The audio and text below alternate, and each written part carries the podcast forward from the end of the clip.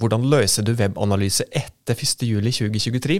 Det er sigende stund negger ikke godt å si, men det er noen få grep som du kan ta for å gjøre det best mulig, slik at du kan få ei best mulig nettside framover.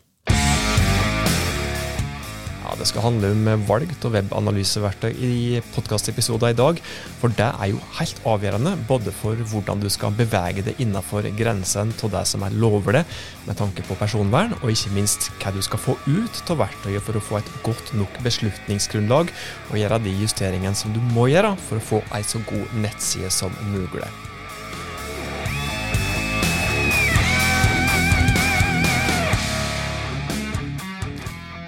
Hjertelig velkommen til en ny episode av Hauspodden, podkasten fra fagfolket i Haus.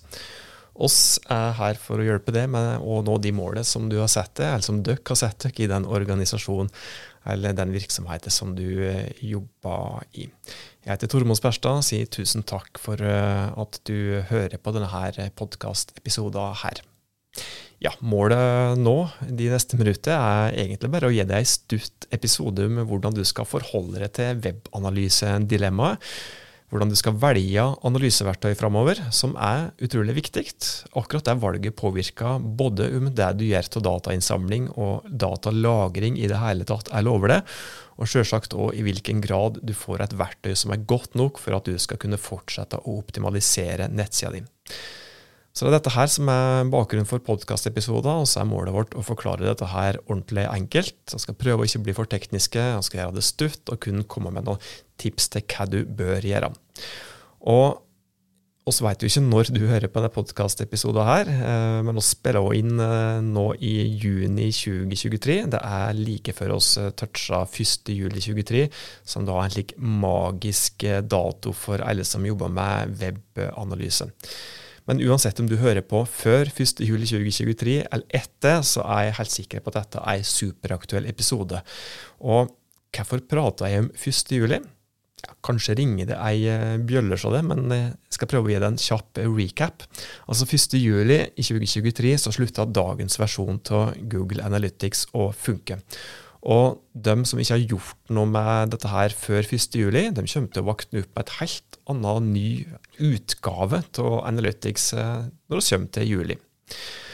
Og det som skjer, er at eh, hvis du ikke har gjort noe sjøl, så kommer Google til å, ja, under forutsetning til at du bruker Google Analytics fra før, da. Eh, hvis du ikke har gjort noe sjøl med oppsettet, så kommer du 1.7 til å våkne opp med et automatisk oppsett der Google har satt opp GA4, som er navnet på den nye versjonen, for det. Og Et automatisk oppsett det er så absolutt ikke optimalt, spesielt dersom du har gjort en del nyttige tilpasninger sjøl for å måle det som er relevant å måle, f.eks. konverteringssporinger, slik at du får et godt grunnlag for hvilke tiltak som du bør gjøre på nettstedet for å få den til å funke bedre både for målgruppa di og deg sjøl. Og Så er det da et faktum da, at det er usikkerhet rundt eh, hvordan du kan bruke både den nye versjonen av Google Analytics og alternative webanalyseverktøy.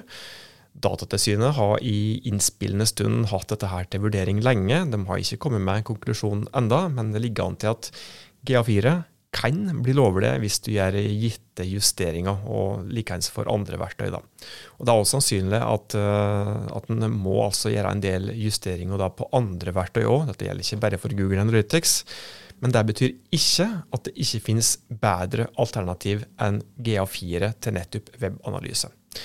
Og Da er vi med en gang inne på hovedtemaet og det som er vår anbefaling. Og skal rett og slett gi en oppdatert anbefaling til hvordan du kan drive webanalyse så sikkert som mulig, og etter at gamle Analytics slutter å funke. Anbefalingen gjelder primært før Datatilsynet kommer med sin endelige avgjørelse rundt bruk av webanalyseverktøy, og akkurat det kan være verdt å notere seg. Og avhengig av når du hører denne episoden, her, så bør du sjekke ut om eh, Datatilsynet har kommet med noe klargjørelse rundt dette her temaet. Jeg kommer til å prate om hva du skal gjøre ut fra ulike utgangspunkt. Et som gjelder hvis Google allerede har oppretta et såkalt GA4-område for det, eller hvis du venter til Google gjør det for det, samt et alternativt utgangspunkt for det som ønsker å vurdere andre webanalyseverktøy. Hva anbefaler oss at du skal gjøre hvis Google har oppretta GA4, eller Google Analytics 4 for deg, altså den nye versjonen? Ja, Det du må gjøre da, er å sjekke at oppsettet er OK. Sjekke at det du trenger av konverteringssporing, er på plass. Og det som gjelder for alle, uansett om du skal fortsette å bruke Google Analytics eller et annet verktøy, det er følgende. Selv om du kanskje ikke er i stand til å få på plass en 100% sikker løsning i nærmeste framtid, så er det viktig å kunne dokumentere det som du faktisk har gjort. For det første så må du vurdere hva du i det hele tatt trenger å samle inn av persondata. Og Deretter så må du gjøre de tiltakene som du kan gjøre for å få det så sikkert som mulig. Og Det da anbefaler, er at hvis du ønsker å ha eh, GA4 enda, fram til Datatilsynet kommer med en avgjørelse, så anbefales at du har et, eh, kanskje et annet verktøy installert i tillegg, eh, slik at du er good to go hvis du etter hvert skulle ombestemme det når Datatilsynet kommer med sin redegjørelse. Og I tillegg så må det da alternative verktøyet være europeisk eid, som også har lagring av data i Europa. Og så anbefaler jeg òg at hvis du velger et alternativt verktøy, så velger du et som ikke samler mer data enn nødvendig. Og igjen, da, pass på at det er europeisk eid og har lagring av data innenfor eh, Europa eller innenfor EU. I tillegg så må du gå inn i webanalyseverktøyet som du skal bruke, uansett om det er GA4 eller et annet et, og sikre at du har så strenge og så relevante personverninnstillinger som mulig. Og I tillegg, så lenge du samler persondata, sørg for at du har en løsning for at brukeren, altså den som besøker nettsida di, må gi såkalla beviselig samtykke, f.eks. ved at du har samtykkehåndtering synlig på nettsida di.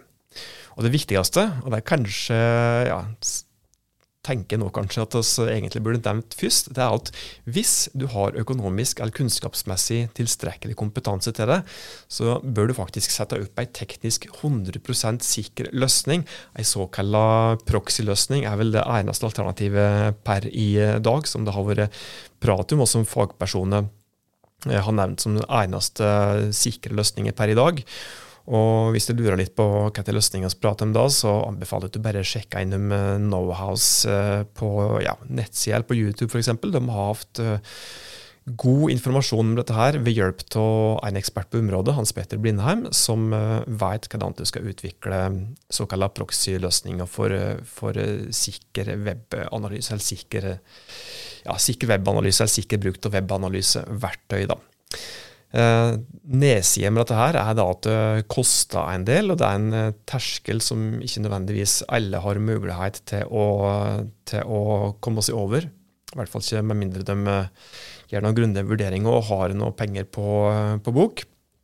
Så i hvert fall inntil Datatilsynet kommer en endelig avgjørelse, og du ikke ser at du har eh, økonomiske muskler til å ordne en slik sikker proxy-løsning sjøl, så anbefales i alle fall at du gjør en skikkelig vurdering, og at du da gjør de tiltakene som du må gjøre for å gjøre det så sikkert som mulig, og at du i tillegg dokumenterer vurderingen din og tiltaket som du har gjort, gjennom å oppdatere f.eks. personvernerklæringer som du har på nettsida di.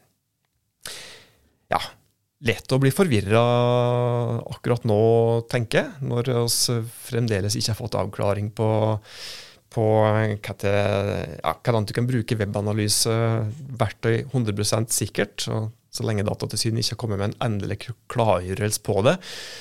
Så for å prøve å oppsummere her, da, da eh, så er det viktigste at du prøver å få oversikt over hvilke verktøy du har i dag.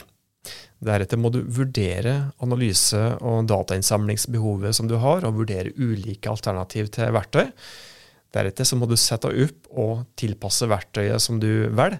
Så må du sørge for å gjøre det som du kan for å få det så sikkert som mulig, og dokumentere dette her altså gjerne å implementere tekst i f.eks. personvernerklæringer på nettsida di. Og så bør du følge med på når Datatilsynet kommer med sin avgjørelse om dette her. Eh, her og ja eh, Følg litt med framover. Og gjør ting så sikkert som det er mulig i det hele tatt da, å, å, få det.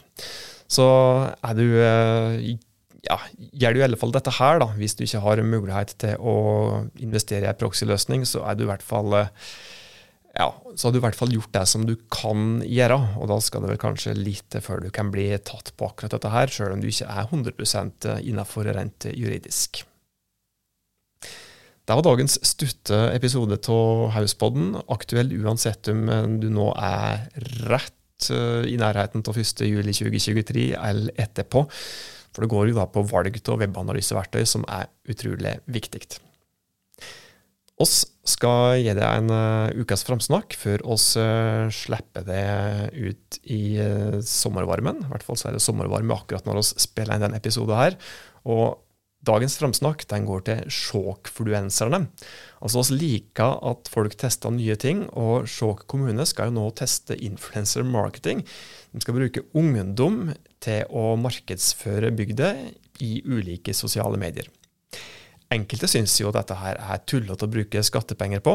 Oss i Haus syns at dette er en ny og artig tanke. Hvordan dette vil funke i forhold til de målene som kommunen har satt seg, det er det ingen som vet, men det er jo det som er greia òg. Hvis du ikke tester ut nye ting, så får du heller aldri svaret på om det fungerer eller ikke.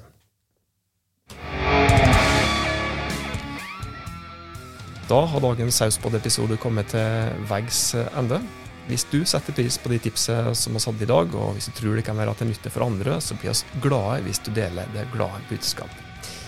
Inntil vi høres neste gang, ta godt vare på det og dine.